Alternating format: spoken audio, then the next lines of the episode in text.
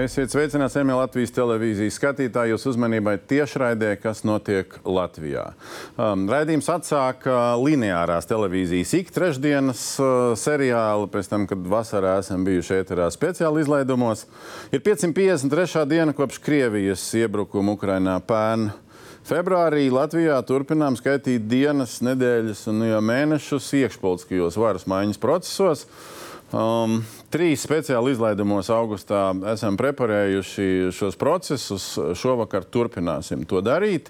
Um, bet raidījuma otrajā daļā veltīsim uh, uzmanību arī vienam konkrētam, gan iekšējam, gan uh, drošības un starptautiskas konteksta tematam, Krievijas federācijas pilsoņu statusam, uzturēšanās atļauju nākotnē Latvijā un attiecīgi tādai vai citādai valsts politikai attiecībā uz to. Bet pirmā daļa, kas notiek ar jaunas uh, valdošās koalīcijas veidošanu un iespējams Eviks Siliņas valdības veidošanu.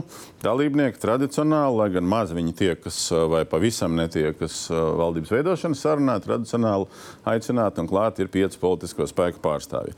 Jauno vienotību šoreiz nepārstāv ministra prezidenta amata kandidāti. Bija vienošanās arī ar viņu pašu, kad kamēr nenonāks līdz nākamajai stadijai, kad brīdi var paņemt arī pauzi.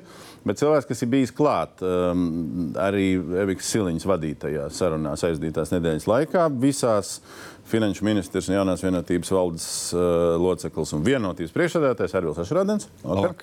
Um, Pārējie, kā nu kurš pēdējos raidījumos bieži vai netik bieži, Zaļo zemnieku saimnes frakcijas vadītājs Viktors Valainis, Labvakar. apvienotā sarakstā arī saimnes frakcijas vadītājs Edgars Tavars. Labvakar.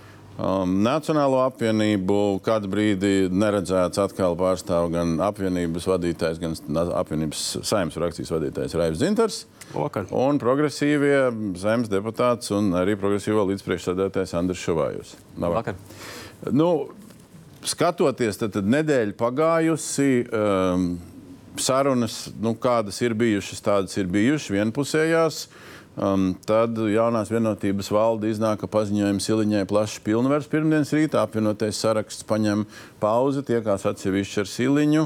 Um, pa vidu ir runa, ka Nacionāla apvienība ir atstatījušies no koalīcijas veidošanas. Nacionāla apvienība iebilst, no saka, nav atstatījušies. Um, apvienotais saraksts prasa citu versiju šodienas jau ziņas, uh, kādai jābūt koalīcijai. Uz visu tā fona, kas te ir visu, visu nedēļu ziņās.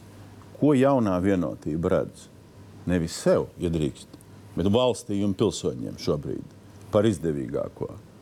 Kādu un kāpēc koalīciju paplašinātu, nepaplašinātu, paplašinātu četru spēku sastāvā, vairākas kombinācijas teorētiski iespējams. Ko labāk? Nekas teikt, premjera kandidāts Eviks Siliņas uzstādījumā nav mainījies, un arī vienotības valdes uzstādījumā nav mainījies. Mēs redzam, kā optimālāko Latvijas sabiedrībai šajos ģeopolitiskajos apstākļos ir maksimāli plaša koalīcija. Visi šie pieci ir maksimāli plaši. Jā, jā tieši tā. Vēl aizvien reāls, reāls variants. Nu, šodien, dienas otrā pusē, bija tiešām. Uh, manuprāt, ļoti, ļoti interesants pagrieziens, kur uh, apvienotais saraksts, es pieņemu, ka tas ir kopā autorībā ar Nacionālo apvienību, atsūtīja uh, dokumentu, ārkārtīgi interesantu dokumentu, kas uh, jau ļauj kāpt uh, pāri tam, ka uh, nav iespējams sadarboties ar Zaļo zemnieku savienību. Ārkārtīgi interesants dokuments, ļoti daudz un dažādi precīzi ir aprakstīts visādas detaļas. Par to bijām arī diskutējuši. Tagad interesanti, tas ir pieņemami. Nu, jācer, ka šajās nākamajās dienās arī tikpat radoši tiks strādāts arī pie iespējas, ka uh, progresīvie tādā pašā veidā tiks iespējams iekļaut šajā koalīcijā. Tā kā es gribu teikt, ka uh, radošums šeit ir un process process virzās uz priekšu. Vai ar to jūs gribat pateikt, ka vēl aizvien jaunā vienotība kā galveno virsmērķi uh, liek plašums, jeb deputātu mandātu skaits. Neatkarīgi no tā, pa cik daudzām jūs lietāt vienojaties, Mēģinām vai vēl kaut ko citu? Nē, ne, bet es, nu, nekas jau nav mainījies. Nu, mēs pašā sākumā teicām, nekas nav tiešām mainījies. Apstāties, kāda ir ģeopolitiskā situācija. Uh, arī uh, situācija Ukrainā. Mēs visi ceram, ka tas karš beigsies Ukrainā. Viens ir pilnīgi skaidrs, ka uh, ar Krieviju tā situācija neuzlabosies, un Latvijai ļoti rūpīgi ir jāgatavojas šim ģeopolitiskā saspīlējuma attīstībai. Pavisam netālu no Latvijas robežām arī mēs redzam, ka notiek, notiek jau intensīva nu, procesa, jeb kara darbība Pleskavā.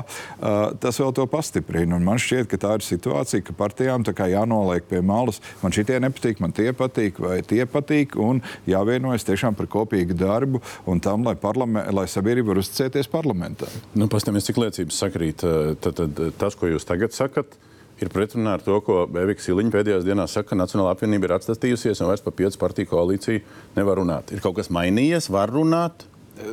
Tā ir spekulācija no Ašrādena kunga puses, ka mēs būtu piedalījušies kādā dokumentu sastādīšanā. Tas ir apvienotās sarakstu piedāvājums un divpusējās sarunas ar, ar Eviku Siliņu šos argumentus, ka ģeopolitiski sarežģītā situācijā vajadzētu iesaistīt pēc iespējas plašāku politisko spēku uh, uh, loku. Es ļoti labi atceros. Es domāju, ka Ašrādena kungs uh, nenoliedz, ka savulaik tieši tāpat vienotība centās pierunāt dažādiem līdzekļiem Nacionāla apvienība, ka vajadzētu veidot varavīksnes valdību kopā ar saskaņu. Restīvi, tas pieņēmums, ka nav svarīgi, kas veido valdību, svarīgi ir kādus mēs memorandus parakstam un, un, un ko pacieš papīrs, tas mums nav nekas jauns. Nacionāla apvienība tam nepiekrita toreiz un nepiekrīt arī šobrīd. Mēs uzskatām, ka ļoti svarīgi, kas veido valdošo koalīciju. Mūsu skatījumā partijas progresīvie atrašanās koalīcijas ietvaros ir solis pretēji nacionālas Latvijas valsts interesēm. Līdz ar to Nacionālās apvienības pozīcijā nekas nav mainījies. Mēs uzskatām, ka mēs savu vēlētāju intereses varam aizstāvēt, cenšoties pirmkārt nepieļaut šādu scenāriju. Un, ja tāds scenārijs neatkarīgi no mūsu izvēlēm notiek, tad parūpēties, lai tas pastāvētu pēc iespējas īsāku laiku. Zaļo zemnieku savienība būtu pieņemama. To es saprotu tik tālu. Mēs šobrīd esam ļoti skaidri pateikuši, tātad attiecībā par partiju progresīvie. Mēs arī dzen, līdzīgi apvienotais saraksts uzskatām, ka esošais koalīcijas modelis no vērtību savietojamības viedokļa ir vislabvēlīgākais, vis, visloģiskākais. Ja vienotības pašmērķis ir, un, nu, jo citus apsvērumus es neesmu dzirdējis, kāpēc koalīcija jāpaplašina, ja pašmērķis ir koalīcijas paplašināšana, ārpus šī nosauktā mēs esam par kompromisiem gatavi runāt, un to zina Ašarādien kungs gan jūs, gan es domāju, ka arī sabiedrība, kurai mēs tieši tā arī to esam teikuši. Nevis nedēļu, bet atvainojieties, nu, faktiski trīs trīs mēnešus, kopš Dabūkungs Latvijas televīzija atgriezies. Mēs vienu to pašu man šķiet runājam. Ja? Uh, Pieprecizējam, kas notika šodien vispirms. Uh, tad tad uh, Dzindarkungs norobežojās no apvienotā saraksta. Uh, nu, aicinājums tas saucās. Es, jā, es nu, no, no tā, ka mēs būtu. Ka jūs būtu līdzautori. Jā, jā, jā. Bet, uh, bet vai jūs norobežoties no tā, tad, tad nu, viens pamatvēstījums ir, ka jūs sakat, kodolam jābūt līdzšinējam trio, esošās valdības veidojušam trio. No tā jūs nenorobežojaties. No tā mēs nenorobežojamies. Tad nu, jūs paliekat būtībā pie tā, kas, ar ko sākās uh, jūnija sākums. Kodols esošās trīs. Es, es pat teiktu tā, ka mēs paliekam pie tā. Ka, mm, ar ko sākās 1. oktobra vakars. Kad bija skaidri vēlēšana rezultāti, ka bija skaidrs frakciju sastāvs un ka apvienotā saraksta izskatā visefektīvākais un ar vismazāk faktiski pretrunām, relatīvām, gan ideoloģiskām pretrunām, gan vislabāko starptautisko skatījumu ir trīs frakcijas - jaunā vienotība, apvienotais saraksts un Nacionāla apvienība. Pie tā mēs turamies arī šobrīd frakciju skaits parlamentā 14. saimā nav mainījies. Bet tad pat patulkojiet to, ko jūs šodien esat iedevuši. Es pat paturpināšu, es tūdaļ paturpināšu. Ņemot vērā, ka jaunā vienotība 26 mandātiem uzstāja. Ašādien kungs neļaus kļūdīties, uzstāja uz koalīcijas paplašināšanu. Mēs meklējam iespējas un risinājumus, kā lai mēs nonāktu pie tā aicinājuma, ko mūsu uzrunā arī valsts prezidents, lai būtu valdība, lai būtu budžets un tāpat laikā, lai maksimāli nodistancētos no visiem iespējamiem riskiem. Apvienotais saraksts ilgstoši. Latvijas zaļā partija aizgāja no Zaļo zemnieku savienības Aivara Lemberga dēļ. Ne Viktora Valaņa dēļ. Nē, ar Viktoru Valaņu mums ir ļoti kolēģiāls, labas attiecības. Tā var būt. Mēs at, ne, nepreparējam privātās un... attiecības, bet jūs tas, ko būtībā jūs šodien ar šo paziņojumu pasakāt, ja nu reiz jaunā vienotība ir plašā koalīcija, tad uz nosacīt ierobežojumiem no, no noteikumiem, mēs... kā ceturtos, esam gatavi apskatīt mēs, šeit, šajā mūsu paziņojumā, ko mēs informējam arī valsts prezidentu, nesakām ne ZZS, ne progresīviem. Mēs redzam šo rāmi, šos, šo, ieliekam šo principu. Tas ir drošības princips pār visam. Ja tas ir teorētiski ZZS, Tāda pilnīgi absolūti jābūt skaidrai pārliecībai, kādā veidā tiek nodistancēts Aivars Lembergs no šīs lēmuma pieņemšanas. Un tas nav aicinājums ZZS. Tas ir aicinājums jaunai vienotībai un tās um, premjera amata kandidātei Evikai Siliņai. Paldies. Tagad nofiksējam situāciju uz uh, 30. augusta vakaru no ZZS un progresīvā puses. Šobrīd ir kodols, jūs trīs, vai nav kodols?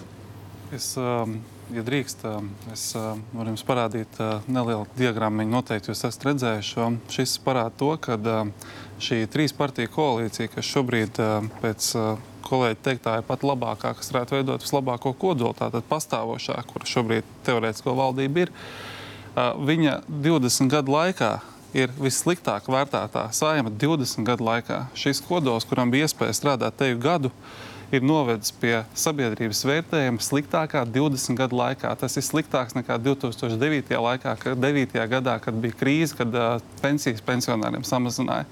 Šobrīd uz šī ģeopolitiskā fona īpaši svarīgi ir atgūt arī sabiedrības uzticību. Un mūsu ieskatā sabiedrības uzticību var atgūt tikai caur darbiem.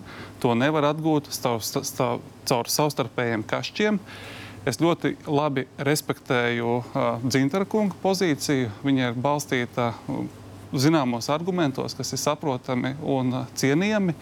Bet es uh, nevaru pieņemt uh, šo uh, dokumentu, kuru šodien izplatīja apvienotais saraksts, jo viņš pēc būtības piedāvā saglabāt status quo, tātad iecementēt šo trīnieku, kas ir novedis pie manas minētā saimnes vērtējuma. 20 gadu laikā sliktākais saimnes un tagad, vērtējums. Valaņkungs, atgriežamies pie maniem jautājumiem. Jūs esat kodols kopā ar jauno vienotību un progresīvajiem šobrīd uz šovakar? Mēs- Vai vairs neesat? Mēs negribam zīmēt kodolus. Tas nav pareizi. Es domāju, ka, ja mēs sāksim zīmēt kodolus, mēs nonāksim strupceļā un, un tas izveidosies kaut kāds tāds amatu dalījums, te kaut kādi bloki veidosies, vēl kaut kas. Tas nozīmē, ka es esmu gatavs jebkādām Mēs, kombinācijām. mēs, ā, mēs, pre- Bez Nacionālās Mēs, apvienības vienu kombināciju, ne tikai bez Mēs progresīviem. iezīmējām prezidentam deviņas lietas. Mēs uh, iezīmējām arī jaunai vienotībai vairākus jautājumu blokus, kuros mēs redzam risinājumus, kas būtu jādara daudzās jomās. Un, ja ir kolēģi, kas ir gatavi iet arī uz nepopulāriem lēmumiem, iet uz uh, tiešām rī- rīcību un parādīt sabiedrībai, ka ir rīcības spējīga valdība ar reāliem risinājumiem, mēs esam gatavi iet tajā darbā. Par risinājumiem parunāsim pēc Mēs brīža. neesam Uh, gatavi iet uh, pozīcijā, kur kāds bloķēs, apturēs procesu. Tas nav ilgspējīgi. un Nesat gatavi, kur, kur bloķēs. Parunāsim, kas ir bloķēšana, bet iedodam tagad šo vajagkungam vārdu. Jūs esat kodolā šobrīd, jūs esat ārpus kodola, kur jūs atrodaties? Es arī nedomāju gluži šādās kategorijās. Es teiktu, ka, Ne paši runājāt par kodolu nesen. es teiktu, ka par spīti tam, ka šajā brīdī varbūt tie ziņu virsraksti un tie stāsti, kas nāk un vēstījumi, kas nāk no partijām, varbūt ir kļuvuši mazliet neskaidri. Manuprāt, tā situācija ir.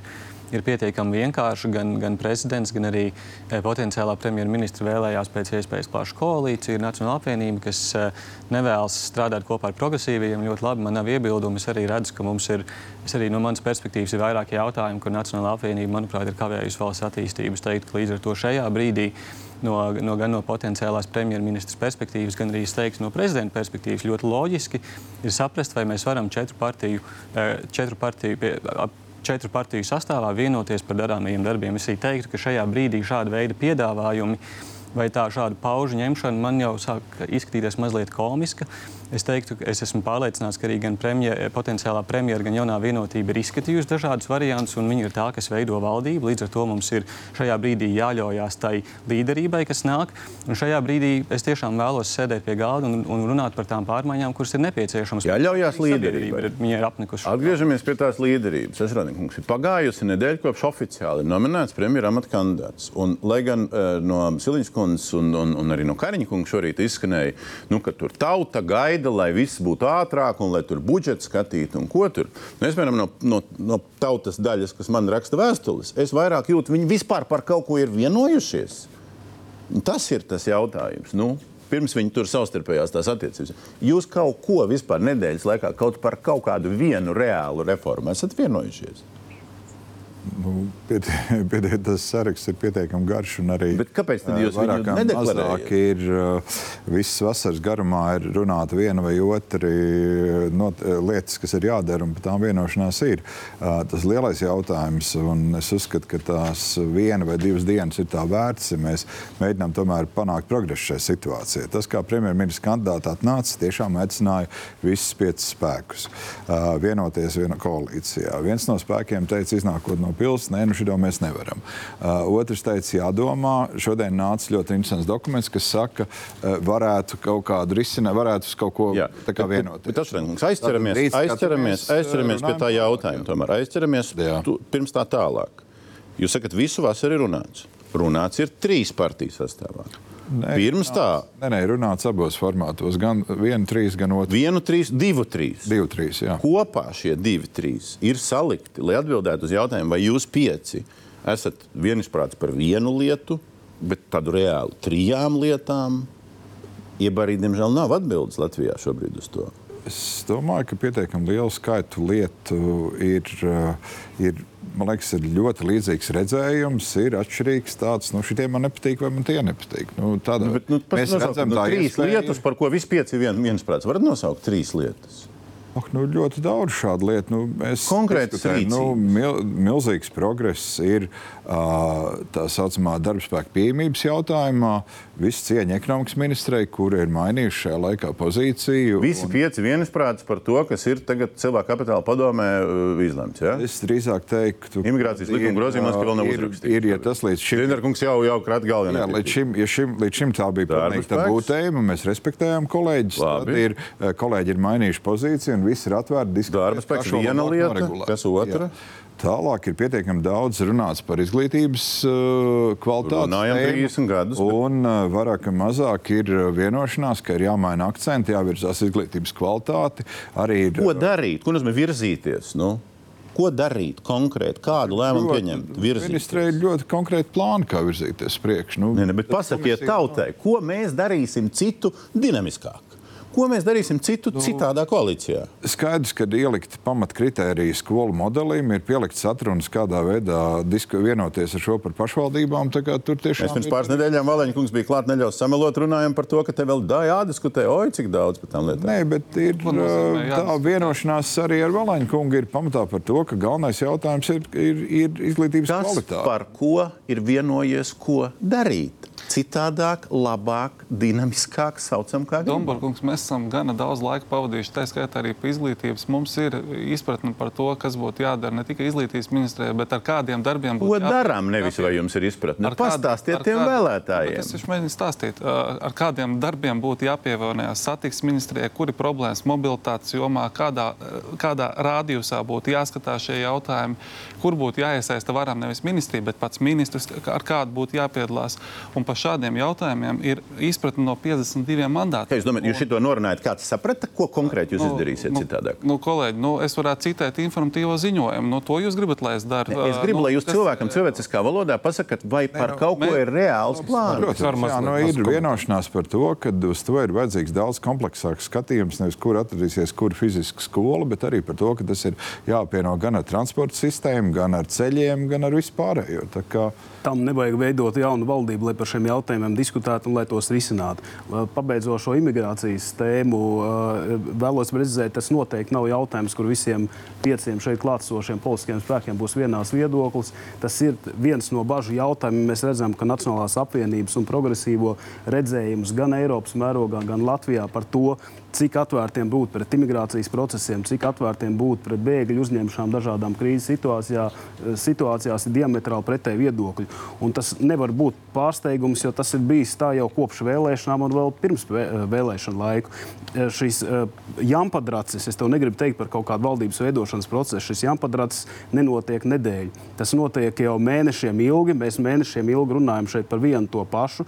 Piedodiet, es teikšu konkrēti, to iesāk vienotība.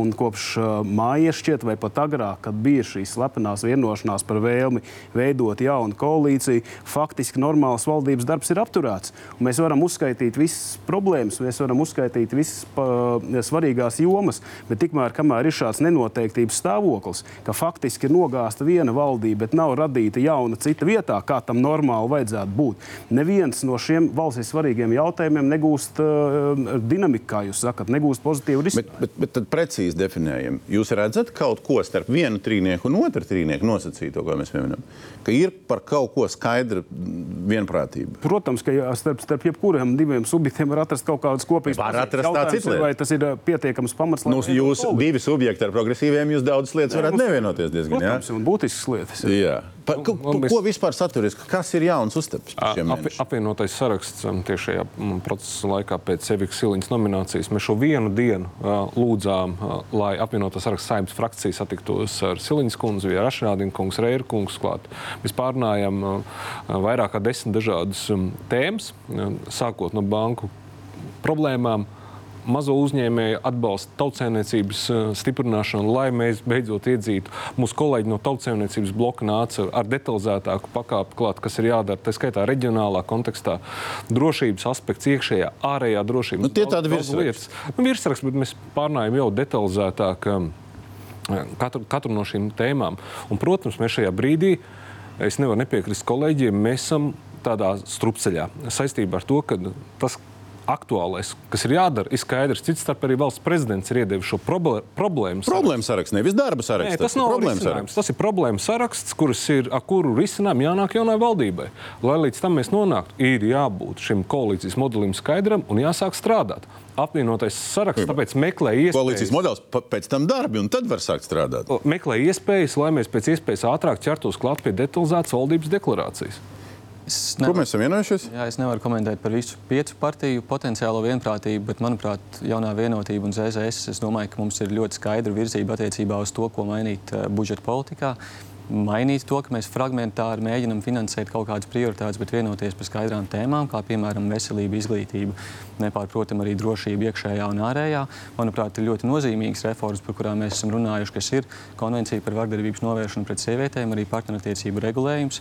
Es teiktu arī attiecībā uz veselības aprūpi. Katrā šajā punktā var desmit dažādi veidi, kā, kā risināt viņus. Ar atrunām, bez atrunām, ar tādu tīklu, šitā tīklu, tādu pakalpojumu, šitādu pakalpojumu. Es domāju, es domāju teikt, teikt, ka šajā brīdī pats svarīgākais ir vienoties pēc būtības, un tad tajā brīdī, kāda ir tā konkrētā realizācija, tas jau būs tas, kas pēc tam sekos. Bet kādas brīdī man ir būtības? Pārliecība, Kas ir to, būtība? ka Ir attiecīgi ir nepieciešams, jārisina. piemēram, skaidrs partnerattiecību regulējums, ir nepieciešams. Lai visi No- dzīvotu labi. Nu, par tādu būtību varam Arī, vienoties. piemēram, depolitizēt, vai precīzāk pateikt, veselības aprūpas finansējumu padarīt politiski neatkarīgu, kas nozīmē piesaistīt viņu noteiktam ekonomiskam rādītājam, lai, lai veselības aprūpē cilvēki, kas strādā, viņi var skaidri plānot savas investīcijas lielākā ilgtermiņā uz priekšu. Es domāju, ka tās ir ļoti konkrētas lietas, par kurām es jūtu, mums šajā brīdī izpratne ir. Es domāju par katru no šīm tēmām, kas šeit izskan, uh, ja izveidosies šī jaunā valdība. Ja viņi tiešām šīs tēmas risinās, par katru no šīm tēmām varēs, un noteikti arī tiks veltīta vesela raidījuma, kad uh, varēs pozīcija ar opozīciju apmainīties laipnībām. Nē, bet Valaņkungs runa jau ir par to, ka katra valdība šīs tēmas risina defaultā, piedošana nelatviski runājot. Jautājums, kā, kura valdība atšķirīgi risinās? Bet Dombūrkungs veselības aprūpē bāzes finansējums pieci gadi atpakaļ, kā atlika šo jautājumu, tā viņš šobrīd vēl nav pieņems. Ja trīs Un jautājums, vai jūs esat vienojušies trīs- par budžetu uz nākamo pabeigt. gadu par veselības ja aprūpi? Nē, trīs, ja trīs politiskie spēki vienojās par to, ka viņš šo jautājumu ir gatavi risināt un gatavi pieņemt arī lēmumu šajā ziņā, tas ir liels lēmums. Tas nav mazs lēmums. kāds ir šis lēmums trīs politisko spēku starpā par veselības aprūpi? Lūdzu? Pa veselības aprūpas bāzes finansējumu. Finansējumu kāds ir vienojies? Un vienošanās? ā, Ir vienošanās? šajā Pa cik budžetā, lielu? šajā budžetā mēs Pa cik lielu, Balaņkungs? Es ar ļoti lielu interesi. Man ir cita informācija, ka jums precīzi vienošanās par šo nav. Domāju, nejauksim divas lietas. Nākamā gada valsts budžetu un, un, un finansējumu veselības aprūpē kā tādai, šo veselības apdrošināšanas modeļu ieviešanu. Šo vājākums jums ir vienošanās par bāzes finansējumu veselības aprūpē pirmo reizi. Tas, ka veselības aprūpe būs prioritāte, par to mums ir kopīga izpratne. Prioritāte tas, tas skan labi. Konkrētāks skaidrs mēs esam pārunājuši. Tagad mums bija tikšanās ar jauno vienotību pagājušajā piekdienā, bet es tomēr teiktu, ka manas nosauktās tēmas iepriekš nav bijušas tādas, ko iepriekšējās valdības ir risinājušas. Līdz ar to mēs šeit esam progresīvi mēs viņus esam gatavi risināt. Jā, ir nu, runa par ves, veselības sistēmas finansēšanu vai faktiski jebkuriem citiem fiskāli ietilpīgiem lieliem pasākumiem, prioritātēm. Ir budžeta veidošanas procesā nu, divas, nu, nu, es pat teiktu, būtiskākās un atslēgas personas, kas izšķir to, vai būs rezultāts, ir premjerministrs un finanšu ministrs. Protams, ne tikai ir, ir liela vienošanās vajadzīga, faktiski abas šīs pozīcijas arī no jaunā bloka, kā jūs viņu pasniedzat, paliek tās pašas partijas rokās rokās. Es domāju, tās lietas, kas šeit izskan, nu, kuras vienmēr priekšvēlēšana periodos, jaunu valdības veidošanas laikos, virsrakstu līmenī, kā minēja Dombūra kungs, tiek minēts, pēc manas pārliecības nav tas, kas ir izveidojis šo kodolu. Ja, tas ir, var izveidot jaunas politiskās vienošanās un tad pielasīt argumentus, atrast kaut kādas kopīgas tēzes, parasti ļoti abstraktā līmenī. Ja, jo pēc tam, kad mēs ejam detalizācijā, tad tās atšķirības tāpat būs jebkura politiska organizācija starpā. Tie iemesli, kāpēc bija nepieciešams gāzt pašiem savu valdību, pa, faktiski pat neizveidojot vēl jaunu, protams, ir pavisam cits. Bet pagaidiet, nu tad pasakiet līdz galam šo teikumu, un tad atgriežamies pie budžeta. Tad jūs būtībā sakat, ka turpinās norēķini par Edgars Rinkeviča ievēlēšanu. Tas ir viens no iemesliem. Tas ir viens no iemesliem. Un nākamie? Nu, tur varētu dažādas, dažādas minēt. Jā. Viens ir vienotības taktiskie apsvērumi nākotnē, skatoties uz potenciālo konkurenci ideoloģiski līdzīgā nišā progresīviem. Jā. Kā, gan esam dzirdējuši neformālus citātus par nonāvēšanu apskāvienos. Un, un tas, tas ir loģiski. Labi, tas nozīmē, ka Nacionāla apvienība tagad ir gatava daļēji pieļaujot partnerību ar ZZS, daļai piedalīties rēķinu maksāšanā. Tā iznāk. Pagaidiet, nu, tā iznāk. Mēs, mēs esam paziņojuši, kas ir primārais uh, koalīcijas modelis, kuram mēs piekrītam. Protams, mēs esam gatavi meklēt kompromisus. Ne mēs šīs ziepes esam ievārījuši. Vienotībai par šīm izvēlēm ir jāatbild. Ja? Vai, vai tā būs Lemberga ietekme vai nebūs Lemberga ietekme, uh, vai tas ir kaitīgi valstī ārpolitiski no nacionālās drošības viedokļa vai nav. Es pat neņemos apgalvot. Tā ir vienotība šobrīd atbildība. Jums ir prezidents, jums ir ārlietu ministrs, premjerministrs. Jums ir pašiem jāzina, kad jūs teicāt patiesību, vai priekšvēlēšana laikā un pēc vēlēšanām, vai tagad. Tas visiem jāzina. Ziniet, tas visiem jāzina. Uh, vai jaunā vienotība Šrēdenkungs nu, var pret šo pozīciju? Nu, nolikt kādus argumentus pretī, kāpēc šī nav rēķina maksāšana un kāpēc šī bija balta lapa pēdējo nedēļu, nevis baltas lapas imitācija, runājot ar visiem pieciem vienādi. Jā. Ah nu, šis drusku traki. Nu, tās sazvērstības teorijas tādas un citādas un tā tālāk. Es varu atbildēt vienu. Nu, es gribu teikt, ka uh, tā nebija vienkārši izšķiršanās. Premjerministrs Kariņš, uh, lai tas process kaut kā virzītos uz priekšu, tomēr nolēma atkāpties un pavērt durvis tam, lai sāktos jauns process, lai spētu. Tā ir jūsu interpretācija. Ir pretī cita interpretācija. Ko lai es daru? Nu, vārds pret vārdu. Nu, vārds pret vārdu. Otra lieta par to budžetu pieminēto. Vai jūs neredzat tur pretrunu tajā, ka mēs, jūs, mēs es visi kopā lasām? Otrs, kas nav vārds pret vārdu. Visu to, ko mēs skatāmies, aptaujās, mēram, aptaujas rāda, ka sabiedrība vēlās plašāku koalīciju. Ja? Okay, tas, tas varētu skatīties tur četri vai pieci, tā ir cits jautājums. Bet visas aptaujas rāda, ka sabiedrība vēlās, lai politiskie spēki beidzot apsēžās pie galda un vienojās. Un, un tā ir mūsu pamatu uzstādījums. Tas ir pats svarīgākais. Neatkarīgi no tā, Atvienu, ka pat viņi ir, ir lielās pretrunās gan ideoloģijas, gan par prioritātēm, gan par kaut ko. Situācijas, ka var nolikt to visu malā un strādāt. Šādu argumentu var Osļiko kungu aicināt uh, koalīcijā, Šleser kungu var aicināt koalīcijā. Ir kaut kur jābūt Šleser kungu koalīcijā. Drīkst šeit mazliet iejaukties labs piemērs. Īsi. Ja mēs runājam par Nacionālo bruņoto spēku augstāko vadoni, tad šo amatpersonu saima, un tas bija apvienotais saraksts, kas izvēlējās šo vadonu uz atslēgas deputātu, likt Gloriju Grefcovu, stabilitāti. Tie bija atslēgas cilvēki šādam amatam, ko apvienotais saraksts izvēlējās savā politiskajā taktikā. Tas bija viss sākums. Ko jūs runājat? Ko tu murgu? Es runāju, Viktor, ko tu saki? Nu, Apvienoties. Jautājums bija, ko tu Morgan pirmais? Kādā sakarā? Tagad, nu, lūdzu, jā. nu, vai tā nebija? Kādā sakarā?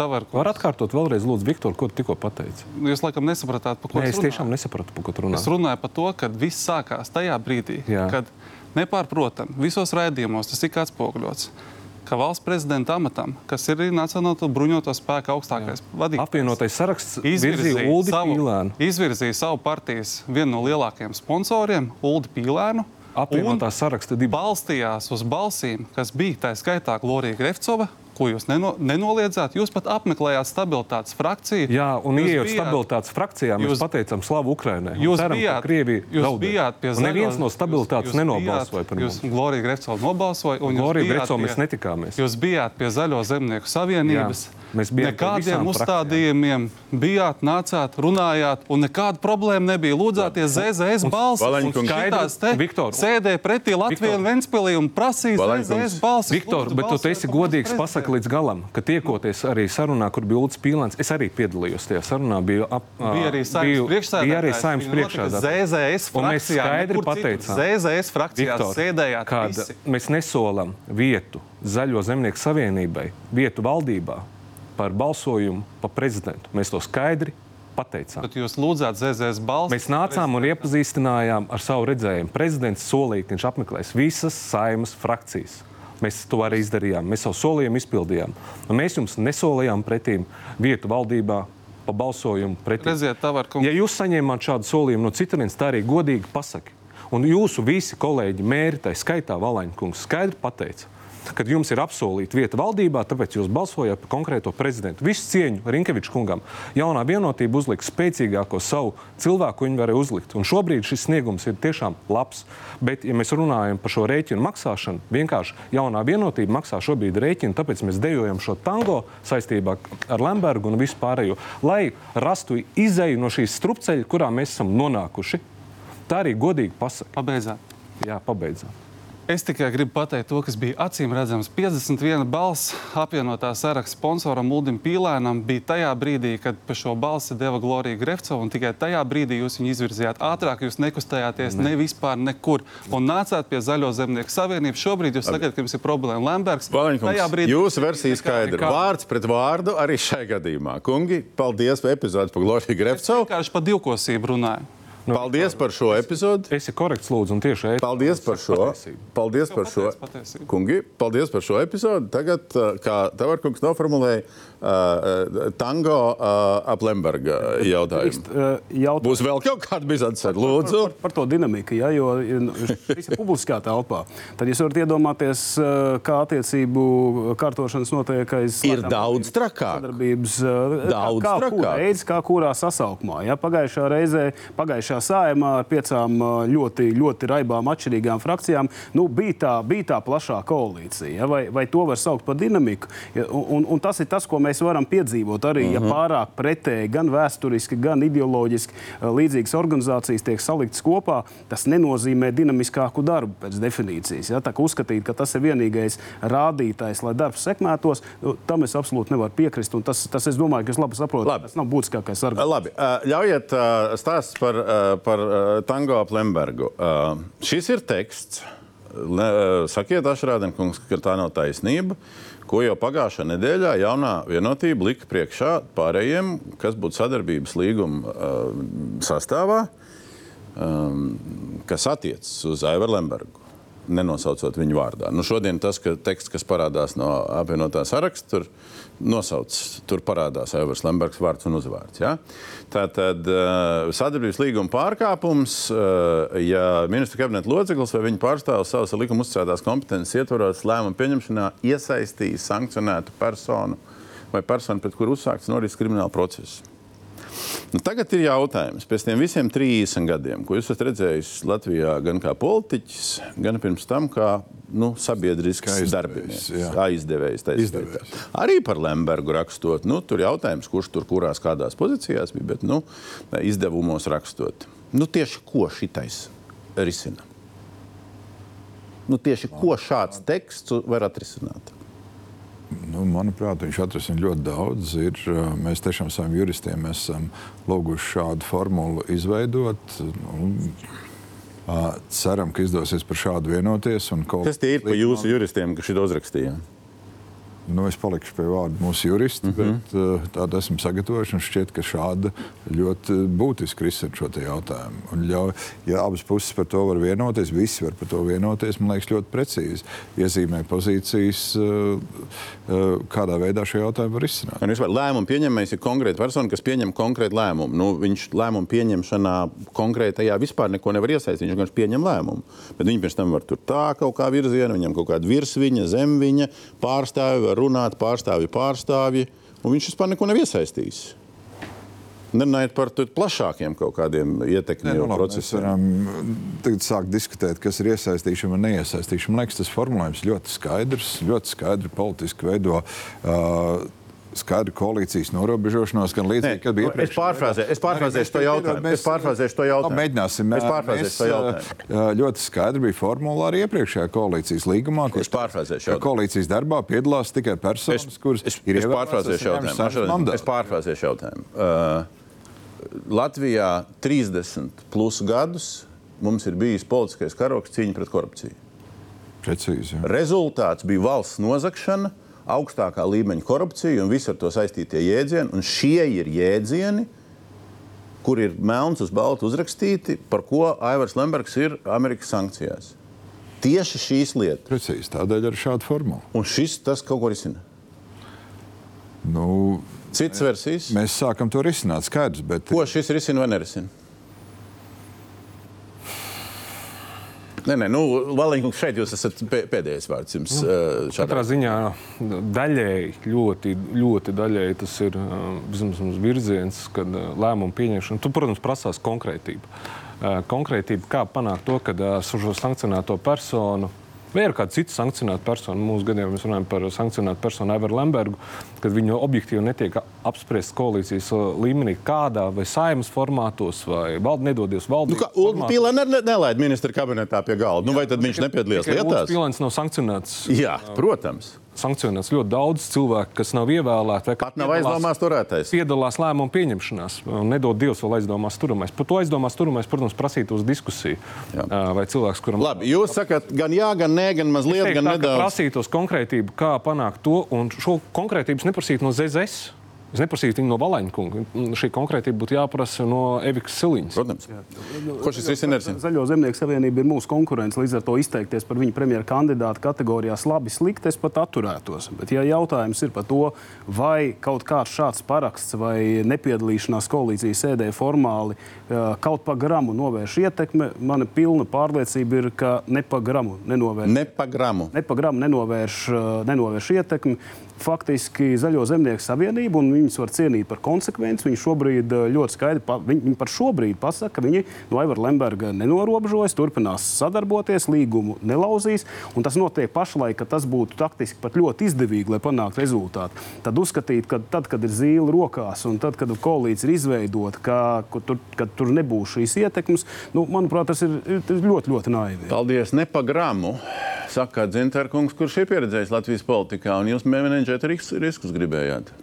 Es teiktu, ka šāds frāzējums, um, varbūt atsevišķi, atsevišķas frāzes ir atvērts interpretācijai, piemēram, par to, ko nozīmē iesaistīties lēmumu pieņemšanā, bet es teiktu, ka jebkurā gadījumā potenciālā koalīcijas līgumā ir jābūt skaidrai atrunai attiecībā uz šo jautājumu. No progresīvo puses es varu tikai teikt, ka, ja, jebkā, ja mums būs jebkāda veida aizdomas par neleģitīmu ietekmi, mēs nekavējoties vērsīsim publisku uzmanību. menedžera riskus, ko jūs gribējāt? Es teiktu, ka skaidrs, ka te ir izšķiršanās par to, cik lielā mērā šādi riski var tikt vadīti, bet ir nepārprotami nepieciešams šāda veida eh, koalīcijas līguma punkts. Valaņkungs, šito apli noslēdzot, ko šis praktiskā dzīvē maina? Ja sadarbības līgums, kurā, uh, kurš paredz ZZSam, tad, jūs vadītās frakcijas uh, personā iesaistīt vēlētās personas tos starp pašvaldībās, paliek spēkā. Šis konkrētais punkts, ja tāds stātos spēkā, tad saimā visticamāk vairs uh, koalīcija nevarētu piedalīties frakciju padomēs, jo viņš uh, izslēgtu koalīcijas dalībnieku jebkādu iespēju piedalīties frakciju padomēs. Jo tur yeah. būtu kāds cilvēks, kurš atbilst šī punkta kritērijiem, un tā būtu problēma. Tad varētu šo cilvēku tad varētu izmest šo koalīciju ārā no koalīcijas. Tā kā, uh, es domāju, ka Kaut vai šajā raidījumā, kas notiek Latvijā, es šodien nākot šo raidījumu paskaidrojos, man bija sajūta, ka mums būs atkal jārunā par šo tēmu. Es paskatījos, šajā vasarā šim jautājumam veltīts 47 uh, eh, uh, uh, uh, uh, uh, uh, visu laiku man jāskaidro viens un tas pats. Man jāskaidro to, kāda ZZS ir uh, lēmuma pieņemšanas struktūra, ir 16 deputāti, kāda mūsu frakcijas Nē, nē, to neskaidrojiet atkārtot. Ja būs daudz minūtes, atkal pieskaitīsim klāt. To nevajag. Dombelkungs, jūs visu laiku liekat šo jautājumu iekšā. Protams. Viņš ir jūsu visu atbildam- sarunās, nevis es Mēs lieku. atbildam visu laiku vienu un to pašu. Un arī šajā, Viņš ir kopš jūnija visā šajā un sarunā. Šajā brīdī, ja mēs ieliksim šādus punktus, mums jābūt ļoti konkrētiem punktiem, saprotamiem, viegli nolasāmiem. Mēs no savas puses esam piedāvājuši, tātad koalīcijās piedalās tikai saimā ievēlētiem valdības locekļi. Pretējā gadījumā katrā nākamajā raidījumā jūs sēdēsiet un stāstīsiet, kur kas ko ir redzējis, kur kas Ko es darīšu, Valēņkungs, tas, lai paliek Nē, manā ziņā. Dombulkungs, saprotiet, šādus te, šādus te liekot šādus te tekstus, jūs visu laiku atveriet to jautājumu atvērtu. Ir tur tā Protams. ietekme, nav tā ietekme, un priekš tam to vajag. Un tam mēs runāsim nevis par to, kāpēc cilvēkiem nav mācību grāmatas vēl šajā 1. septembrī, kas tūlīt būs skolotājiem un skolēniem, bet uh, runāsim par to, turpināsim šo apli, kas visu laiku viens un tas pats, nekas jau jauns te nav parādījies. Valēņkungs, No mūsu puses Drīkst atbildēt jums, skaidrs. kāpēc to vajag? Drīkst? Protams, protams, jūs to Tāpēc, darat jau ka 47 laba nākotne, un iespējams, ka 47 gadi mums draud, laba nākotne ir tad, ja mēs neaizmirstam pagātni. Protams, Tieši nav šaubu. tāpēc to vajag. Nav šaubu, tāpēc mēs varētu parunāt par apvienoto sarakstu. Varbūt vēl tam desmit minūtes par apvienoto sarakstu ekonomisko uzņēmēju ietekmi uz apvienoto sarakstu. Kāpēc mēs par to Ar nerunājam? lielāko prieku, kaut, kaut divas Nu, tas stundas. būtu tik Tongi? interesanti. Es esmu sagatavojies. Man ir vesela mapīte. Es varu Sarunājam, Valēņa kungs, citā reizē saplānosim, iespējams, ar citiem dalībniekiem. veltīs. Iespējams, ar citiem minūtes. Varam dalībniekiem. uzaicināt Man, arī man ir viens vesela mapīte, varētu Iespējams, ar citiem dalībniekiem. Šobrīd šā, šī sarunas daļa, un šīs raidījuma daļa man ir jānoslēdz.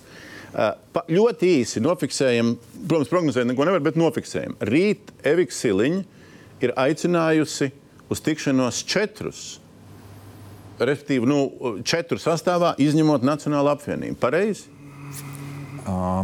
Ko jūs, uz ko jūs gribat tagad iet? Ja mēs raidījām, sākām ar to, ka ir. Jā, jā, es saprotu, jā, tā ir situācija līdz brīdim, kamēr mēs saņēmām apvienotā saraksta uh, papīru. Un, tā tad iespējams, vēl, es pie, piemēram, krīt no rīta tiks pieņemt vēl lēmumu šī te kontekstā. Tā kā, principā tas uzstādījums tāds ir, bet vēl skatāmies, kāda notikuma mūs sagaida. Situācijas var mainīties, termiņi nav noteikti un nekas vēl nav noteikts. Es gribu teikt, ka ir vērts. Ne, ir divas lietas. Skaidrs, ka ir jāiet uz priekšu. Budžets, tā teikt, neatliekami gaida. Nē, bet tas ir septembra vidus, ir tas nav rītdien. Labi, labi, tas nav rītdien. Jā, un tad es gribu teikt, ka nu, ir jau traki te klausīties, kas tie iet vaļā. Un, un, bet, nu, es jau tādas cerības nepametu atrast kaut kādu veidu, kā var par kaut ko vienoties. Labi, viss ir atvērts. Uz šīs pusnots noslēdzām. Visticamāk, ka mēs dažādos aspektos, tuvākajās nedēļās par šo turpināsim. Vēl un vēl trešdienās un citos, uh, citos vakaros. Mēs noslēdzam ar šo pirmo raidījumu daļu. Un es saku paldies tiem, kuri vairs nebūs otrajā daļā. Mēs otrajā daļā pievēršamies pie politiskiem un cilvēciskiem un strateģiskiem un drošības lēmumiem saistībā ar Krievijas federācijas pilsoņu statusu un uzturēšanās atļauju nākotnē Latvijā. Dalībnieki mainīsies, pārējiem uz tēmu caur video, kas sākas ar to, kāds bija rezumē pēc pagājušās nedēļas valdības slēgtās sēdes. Un kas turpinās ar vakardien, vakar publicēto kolēģi TV3 televīzijā sižetu par to, kādas jau citas korekcijas tiek plānotas video. Ko darīt ar tiem Krievijas federācijas pilsoņiem, kas pastāvīgo uzturēšanās atļauju zaudēs? Par to šodien sprieda valdībā. Diskusijas aiz slēgtām durvīm ilga aptuveni divi ar pus stundas. Aptuveni desmit tūkstoši cilvēku valodas pārbaudi nav izturējuši vai nemaz nav izrādījuši interesi par to. Situācija, kā viņi mazliet bēdīgāk nekā bija gaidāms. Koalīcija lemj griezties parlamentā, piedāvājumu izstrādāt, kurā, kurā vēl tiek dots tiesības lūgt termiņu uzturēšanas atļauju šiem cilvēkiem uz diviem gadiem, kas ir tāds laiks, kurā vai nu vēl ir iespēja iemācīties latviešu valodu. Ja cilvēki domā savādāk, tad arī tas ir pietiekošs laiks, lai varētu izvēlēties citu dzimteni. Sākotnēji sagatavotajos grozījumos bija paredzēts, ka termiņu uzturēšanās atļaujas gadījumā Krievijas pilsoņiem nepienāksies valsts apmaksātā veselības aprūpe un veselības apdrošināšana viņiem obligāti būs jāpērk pašiem. Tāpat, kamēr izskatītu viņu termiņu uzturēšanās atļauju pieteikumu, cilvēki te nedrīkstētu strādāt un viņus pārbaudītu valsts drošības dienests. Tomēr Veselības un labklājības ministrijas sagatavojušas priekšlikumus priekšlikumus, kas visus sociālos pakalpojumus šiem cilvēkiem saglabā, būtībā nodrošinot privilēģijas pret citiem trešo valstu pilsoņiem. Tā, cienījamie skatītāji, mums vēl tie dalībnieki mainās, bet mēs uh, sākam, kas notiek Latvijā. Otro daļu, kas ir veltīta tam, uh, kāds būs Krievijas federācijas pilsoņu status Latvijā. Tad tas, kas sižetā tikko redzēts, mēs sākām uh, gadu ar lēmumu, kā pildīsies, un tā skaitā šai studijā piedaloties daļai no klātesošiem, kā tiks izpildīts. Uh, imigrācijas likums, ko pieņēma pirms vēlēšanām. Nu, tagad mēs esam atskaites punktā, ka tuvojās 1. septembris pēc pāris dienām, kas bija tā robeža šķirtne. Dalībnieki lielākoties ir nomainījušies. Politiķu, nu jau arī nepolitiķu studijā jaunās vienotības pārstāvs ir vienīgais no politiķiem, kas vēl aizvien ir nemainīgs, Arvils Ašrādens. Zaļo zemnieku šajā sarunas, Zaļo zemnieku savienību šajā sarunas daļā pārstāv Gunārs Kūtris vakar. Um, apvienoto sarakstu un resoru, kas atbild par tēmu iekšlietu ministrs Mārs Kučinskis. Vakar. Um, Nacionālo apvienību, Nacionālās drošības komisijas priekšstādātājs Saimā Jānis Dombrava. Vakar. Um, progresīvos saimnes deputāts Andris Sprūts. Vakar. Un tad klāt nepolitiķu sastāvs mums ir uh, atbildīgās iestādes uh, par visu šī procesa realizāciju primāri pilsonības un migrācijas lietu pārvaldes priekšniece Maira Roze vakar. Un divas dāmas, kas pārstāv uh, to segmentu, kuri tuvāk kontaktē ar gan Rīgā, gan Daugopilī, kontaktē ar, uh, ar tiem cilvēkiem, kas ir imigrācijas likuma subjekti, konsultē, nu, droši vien, kad vēl dažādi vārdi citi būtu pieminami. Um, vēl aizvien uh, partijā saskaņa līdz priekšsādātāja, līdzās šīm sabiedriskajām aktivitātēm Regina Ločmela klātienē šeit un um, attālināti. Uh, manas balss nu jau šai jomā otrās iniciatīvas uh, autore. Tagad tā uh, pirmā iniciatīva tika saimā noraidīta, tagad ir otrā darba kārtībā par valsts valodas prasmes pārbaudas vecums liekšņu mazināšanu līdz 65 gadiem. Olga Petkeviča. Labvakar, Olga!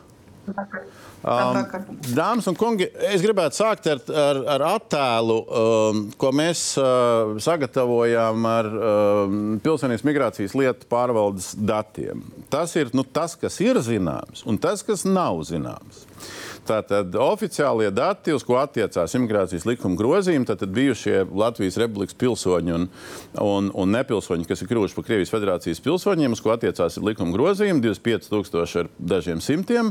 Eh, definēts, kam jākārto valodas eksāmenis no valodas, no vecuma viedokļa un no uh, nu, parametru viedokļa, ka, ne, ka tev nav teiksim, dokumenti drusku vairāk par 20 tūkstošiem. Tagad uz šo brīdi uh, iesniegumi uz tām jaunajām pastāvīgās uzturēšanas atļaujām pieteikt drusku vairāk par 13 tūkstošiem. Uh, tas āķis, kas ir, ka mēs vairāku dienu garumā sapratām, ka oficiālu, precīzu datu, cik ir nokārtojuši eksāmenus valodu, cik nav nokārtojuši, cik uh, ar pirmo reizi vēl gaida kārtošanu un cik ir ārstu zīmes. Uh, Nav vispār datu pret tiem 20 tūkstošiem.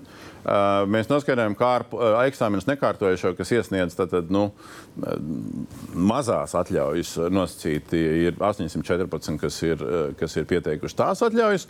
Tad no iesniegumiem izskatīti un pozitīvi lēmumi ir 3700 un negatīvi lēmumi, tad atteikums uz atļaujām ir 80 gadījumos.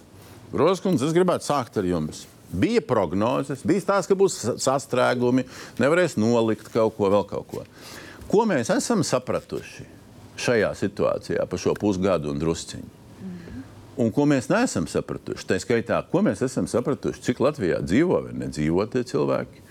Ko mēs esam sapratuši, cik mēs vispār nu, esam sasnieguši, izsūtot viņiem aicinājumus par jauniem grozījumiem un tā tālāk.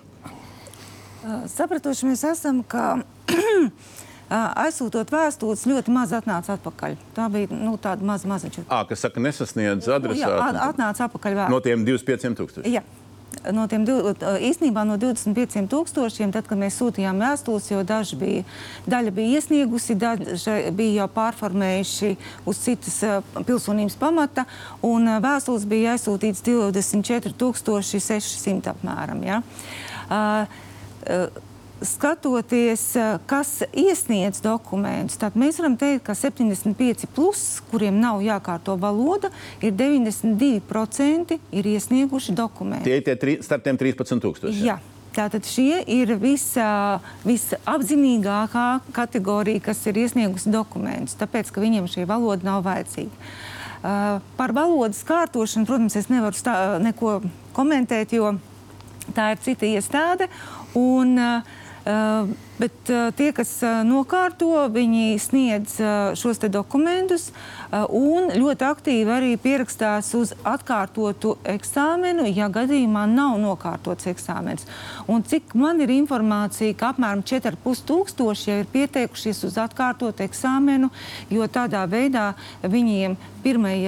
2. septembrī nezūd šī uzturēšanās atļauja, bet tas pagarinās tā līdz gada beigām un viņiem līdz 30. novembrim ir jākārto vēlreiz eksāmenis. Tā kā apmēram 4,5 tūkstoši ir tādi, kas nav nokārtojuši, bet joprojām uh, uh, valsts izglītības satura centrs saņem šos iesniegumus par uh, vēlmi kārtot. Pēdējās dienās mēs redzam ļoti lielu interesi arī vēl. Pagājušajā nedēļā bija jau nedēļā pārpa 700 šie pieteikumi, dokumenti, lai saņemtu statusu. Es domāju, ka šonadēļ būs vēl vairāk. Tā kā process notiek, sākumā viņš bija tāds lēzenāks, tagad ar vien intensīvāk. Cik daudz ir saprasts vai nav saprasts, cik no tiem tehniski reģistrētajiem 25,317 Kučinska kungu vēstulē komisijai pirms pāris dienām tur ir 316, tur pa vienu mazāk, kas man likās um, interesanti. Um, cik mēs esam sapratuši, cik daudz no viņiem reāli vairs nav Latvijā? Šo mēs nevaram šādā veidā pateikt. Ja? Jo pirmkārt, tās vēstules ir sasniegušas, otrkārt, to mēs varēs, varēsim kaut kādā veidā redzēt uh, arī uh, septembra vidū, kad mēs uh, atlasīsim, kas vispār neko nav darījuši. Mm un vai pēc tam ir kaut kāda interese par tālākām darbībām. Jo, ja kā, paskatāmies, cik ir interesējušies, mēģinājuši kaut ko darīt, tie ir pār 18,000. Labi, pieliekam klāt vēl divus uh, iespaidus no vēl divām uh, dāmām, bet īsus lūdzu. Ločmals kundze, kā jūs redzat, ko mēs esam pusgadu laikā sapratuši vai uh, ko mēs esam jaunu zinājuši? Um, priekš manim šīs stāsts ar tiem grozījumiem ir stāsts par to, cik tālu Latvijas sabiedrība un tīpaši Latvijas politiķi ir gatavi uh, aiziet pa uh, vēsturisko ceļu, kas bija otrā pasaules karā. Nopietni. Loģiski, bet nesākam tādu iekšējās tās piedošana rasborkas starp vietējām partijām. Nu, nevis, Tas ko jūs sapratāt par partijām, bet ko jūs sapratāt par, par situāciju ar Krievijas federācijas pilsoņu statusu? Latvijā? Es sapratu, ka šie stāsti ir ļoti dažādi. Tur cilvēku spektrs ir ārkārtīgi dažāds. Es zinu, ka da, daži ir Krievijā un negrasās atgriezties, daži brauc prom, daži meklē uh, jaunās dzīvesvietas Krievijā, Baltkrievijā, uh, Eiropā. Vairāki cilvēki aizbrauca pie saviem bērniem Eiropā, vairāki uh, interes, interesēs un kārto uzturēšanas atļaujas Nīderlandē, Zviedrijā, Norvēģijā, Lielbritānijā. Viņi sa, tur viņi saņem šīs atļaujas bez problēmām, un ar šīm atļaujām viņiem vienalga būs tiesības dzīvot Latvijā. Bet viņi teica, ka viņi pēc tam, kad viņi uh, redz uh, attieksmi citās valstīs, uh, tiešām viņiem nav vēlams atgriezties Latvijā. Šeit turās un cīnās, kā pareizi teica Rozes kundze, tie, kuriem nav kur braukt. Tiem, kuriem 75, plus, vakardien man zvanīja 76-gadīgais uh, dēls, kuram mammai ir 102 gadi, un viņš viņai kārto dokumentus. Jā, bet kārto. Jā, Vai tur ir kārto, problēma? Nu, kārto. Uh, problēmas ir tādas, ka šie cilvēki pārdzīvo tādu stresu un daudzi pārdzīvo gan insultus, gan infarktus. Daži ir miruši. Tā kā šis stāsts ir par cilvēkiem, stāsti ir ļoti dažādi. Bet, Jūs redzat, ka Latvijas valsts drošības interesēs šo nevajadzēja darīt? Latvijas valsts drošības interesēs vajadzēja pārbaudīt tiešām, vai šie cilvēki varētu šo drošību apdraudēt. Veids, kā tas tika izdarīts, manuprāt, ir absolūti neveikls un neefektīvs. Labi, otra liecība no Daugaupils, Olga, kas ir jūsu secinājumi pēc pusgada īsā versijā? Uh, mans secinājums ir tāds, ka valsts ir izgāzusies gan pēc būtības, atzīstot šos cilvēkus par svešiniekiem, jo viņi nav te iebraukuši kā, teiksim, nu, kā citā valstī, no, no otras valsts. Viņi te ir dzīvojuši. Daudzi te ir piedzimuši, daudzi te tika ievesti bērnībā vai jaunībā.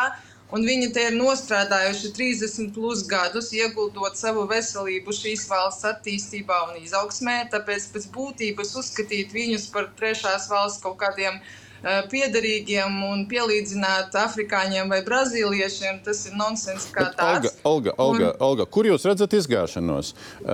Tātad puse no teorētiski reģistrētajiem jau ir sasnieguši iesniegumus. Nu, katru dienu tas iesniegumu skaits pieaug šajās pēdējās dienās. Latviešu valodas eksāmenu kārtotāji ir arī tūkstošiem. Kur izgāšanās? Process notiek. Jūs redzējāt statistiku, ka tie, kas kārtoja vasarā, 80% nav nokārtojuši. Tad viņi ir izgājušies no valsts. Uh, valsts ir izgāzusies tajā, kad, kad valsts uzskata, ka satiekas Taņa un Nataša, un viņas pēkšņi runās latviešu, kas ir tīri pretdabiski jebkurā valodā šai pasaulē. Un, ja Daugopilī dzīvo pārsvarā Taņas un Natašas, tad mēs ne ar kādu piespiedu valsts valodas pārbaudi neliksim viņām runāt pēkšņi latviešu savā starpā.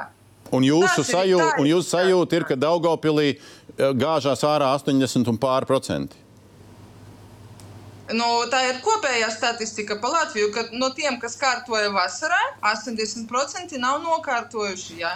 Labi, uh, labi, un tagad politiķi, kas šo dzird, un es pielieku klāt vēl vienu lietu, man šodien speciāli atrakstīja, paldies viņam, uh, Jānis Bērziņš ir uh, iniciators citai mana, mana balss parakstu vākšanai. Viņa vēl nav savākusi. Uh, uh, Olga Sputkevičs parakstu vākšanu ir savākusi jau 13,000, šeit ir pār 8,000. Tā prasa pilnīgi pretēji atcelt to, ko valdība vienojās pagājušā nedēļā. Tad mums ir divi ministri klātsoši. Atcelt šo nu, iešanu pretī vai situācijas atvieglošanu, kas ieguva virsrakstu uz diviem gadiem, pagarināt. Uh, un, un, un, un Jānis Bērziņš savukārt saka, kādu mēs ziņu agresoru valstī ar šo dodam, ka mēs piekāpjamies. Starp šīm dažādajām pusēm, Kučinskungs, kāpēc mēs tagad pārskatām lietas un šādā virzienā? No tiem, kāda pamata? No tiem grozījumiem, ko valdība piedāvā, tur nav ne brīža no atkāpšanās. Tur faktiski iemesls ir nepazaudēt fokusu uz to, kāpēc vispār ir latviešu valoda ir jāmāk, bet redzot un redzot skatoties, ka šis cipars ir ļoti liels, protams, valdības sēdē arī parādās dažādi provokācijas riski, būs cilvēki, un tas tiek izmantots miljonu, miljoniem skatījumu kaut kur ārzemēs. Faktiski situācija tāda, ka jebkuram valsts vadītājam, jebkuram ārlietu ministrijam būs jātērē visa enerģija skaidroties. To, protams, var izskaidrot. Skaidroties visu. par ko? Pieņēmām tāpēc, likumu. Tāpēc, ka šis cilvēku plūsma ir ļoti liela. Tātad, bet chronoloģiski ir tā, ka skatoties, ka tie cipari vienalga ap desmit tūkstoši ir nesasniedzami. Uh, Kariņkungs uzrakstīja rezolūciju nākt uz valdību un šo patiesību, kas ir arī PMLP izstāstot, mēs nosacinājām, ka praktiski šie ir vienīgais iemesls, kur mēs nevaram atļauties bojāt valsts reputāciju, ir drošības riski, ja tu neproti paskaidrot, kāpēc. Tāpēc uh, valdības vienbalsīgs atkārtošs lēmums uzlika, ka mums izstrādāt veselības ministrijai nākt ar savu pienesumu, labklājības ar savu, jo šie cilvēki pazaudē pieeju medicīnai, darbam. Un tā pašā laikā mēs, protams, noinventarizēs PMLP apmēram ap 15. datumu. Mums nav tā, ka mēs katrā ģimenē varam ieskatīties un maija var skatīties, ko katrs dara. tad, kad likums nosaka, tad arī tas, tas arī notiks. Tātad, ko paredz šie grozījumi? Grozījumi paredz, ka, ka tiem, kuri ir mēģinājuši, bet nav nokārtojuši, daļa ir otrā, otrajā piegājienā, vēl tiem ir tiesības iesniegt uh, uz diviem gadiem termiņu uzturēšanas atļauju. Arī tie mēs pieņemam arī un sekojam līdzi, kas notiek arī visā Latvijā. Ja kāds dēļ naudas trūkumu vai ir bijis kaut kāda cita iemesla, pārējiem? tas tiks skatīts. Tie, kas nenāks. Jebkurā gadījumā šīs pastāvīgās atļaujas, lai nebūtu maldi, viņas 1. septembrī ir beigušās visiem. Tā darbība, par ko es runāju, tā ir tikai pēc tam. Tātad, ja kāds, kāds to grib un vēl iegūt divus gadus, lai nokārtotu eksāmenu, katrs gadījums individuāli PMLP tiks skatīts, tā skaitā valsts drošības dienestā. Tāpēc, eh, Labi, labi, bet jūs sakat, tie, kas ir mēģinājuši, tiem dosim vēl divus gadus. Un pārējiem? Tiem, kuri kaut kāda iemesla pēc nav līdz PMLP aizgājuši, viņi individuāli var tikt kādu laiciņu skatīt. Viņi ir pazaudējuši pirmajā, bet tas viņiem ir tiesības iesniegt savu individuālo. individuālo Ne uz diviem gadiem. Uz diviem, protams. Uz diviem gadiem. Tie, kas nav pat sākuši likt, vēl uz diviem gadiem pagarinām Mēs iespēju. pieņemam, ka, ka starp viņiem var būt kādi, kas uh, nu, teiksim, ir bijuši kādi objektīvi iemesli. Bet vēlreiz atkārtoju, akcents ir uz to, ka katrs gadījums un katrs iemesls tiks skatīts. Ašradnieks, nu, kā valdības loceklis pieņemot šo lēmumu aiz slēgtām durvīm, un šobrīd arī kā potenciālās premjeras uh, partijas pārstāvis. Kas ir mūsu politika? Pieliekot klāt divus gadus. Es domāju, ka eh, pieņemtajā likumā ir eh, šis leģitīmais mērķis, skaidri un gaiši pateikts. Mēs vēlamies visi tie uh, trešo valstu iedzīvotāji, kur dzīvo Latvijā, viņiem ir skaidri un gaiši, vismaz minimālā līmenī, ir jāzina valsts valoda. Ja tas ir spēkā esošais likums, jā, tas vecais variants. Un tagad? Nē, nu, process ir skaidri parādījis savu virzību uz priekšu, un uh, viņš virzās šī leģitīmā mērķa sasniegšanā. Taču valdības sēdes laikā mēs konstatējām, ka mums ir pietiekami daudz neskaidrību ļoti daudzos punktos. Uh, cik tie cilvēki ir, kur viņi ir, kāda ir situācija, tie stāsti tiešām ļoti daudzveidīgi. Manā redzējumā tās ļoti svarīgas ir. Šobrīd īstā informācija līdz galam pat nav skaidra, cik viņi ir un kur viņi ir. Precīzi. Jā, un to es gribu teikt, ka uh, atbildīga valsts, tātad manā izpratnē, ļoti svarīgas tās 90 dienas, pārējais dienas, kurā ir tik skaidrībā dienest ar to, kas tur uh, katrā ziņā ir. 9 dienas un 2 gadi, divi dažādi termiņi. Es vēlreiz tās man, izšķir, man ļoti svarīgi šīs 90 dienas, kad ir uh, tiešām tiks, sap, es, mums būs skaidrība, uh, tehniski liekas pietiekami liels skaits cilvēku, vai viņi šeit vispār atrodas, kāds ir status un vispārējais. Tā kā, manuprāt, šis regulējums ir ļoti jēdzīgs. Ar Nacionālo apvienību ir jocīga tā situācija. It kā ir vienprātīgi, nevis it kā ir vienprātīgais lēmums, par ko runā. Nu, sakiet, ka nav. Visas pazīmes liecina, ka ir vienprātīgs lēmums. Un tad pēc tam uzreiz nāk ārā Dombrovskis un saka, ka slikts lēmums. Es, uh, grūti bija nosēdēt mierīgi, klausoties dažus no runātājiem. Es vēlos pasvītrot, ka tātad šie grozījumi neatiecās uz krieviem, tie neatiecās Latvijas nepilsoņiem, tie attiecās ekskluzīvi uz Krievijas pilsoņiem kuri ir apliecinājuši, ka liela daļa ir iepriekšējās vēlēšanās atbalstījusi Putinu. Krievijas oficiālā ārpolitikas doktrīna ir aizstāvēt savus tautiešus ārvalstīs. Un tieši tāpēc 13. saimnes izskaņā tika pieņemts šāds lēmums, kur tiek veikts individuāls izvērtējums attiecībā uz visiem agresoru valsts pilsoņiem, kuri uh, uzturās Latvijā ar šīm pastāvīgās uzturēšanās atļaujām, uh, kur tiek skatīts un pat principā pielīdzināts prasības attiecībā uz valodas prasībām. Tātad, vai šī persona ir gatava integrēties Latvijas sabiedrībā. Otra lieta - ļoti rūpīgas drošības iestāžu pārbaudes attiecībā uz šiem pilsoņiem, vai tie nerada draudus mūsu nacionālajai drošībai. Tas viss ir līdz šim daudzreiz stāstīts. Un, Kas tagad notiek? Un šobrīd tā tad uh, ir uh, ļoti daudz cilvēku, kas ir apliecinājuši savu vēlmi turpināt saistīt savu dzīvi ar Latviju. Viņi ir izgājuši visas šīs procedūras cauri, iesnieguši dokumentus, saņēmuši pozitīvus lēmumus.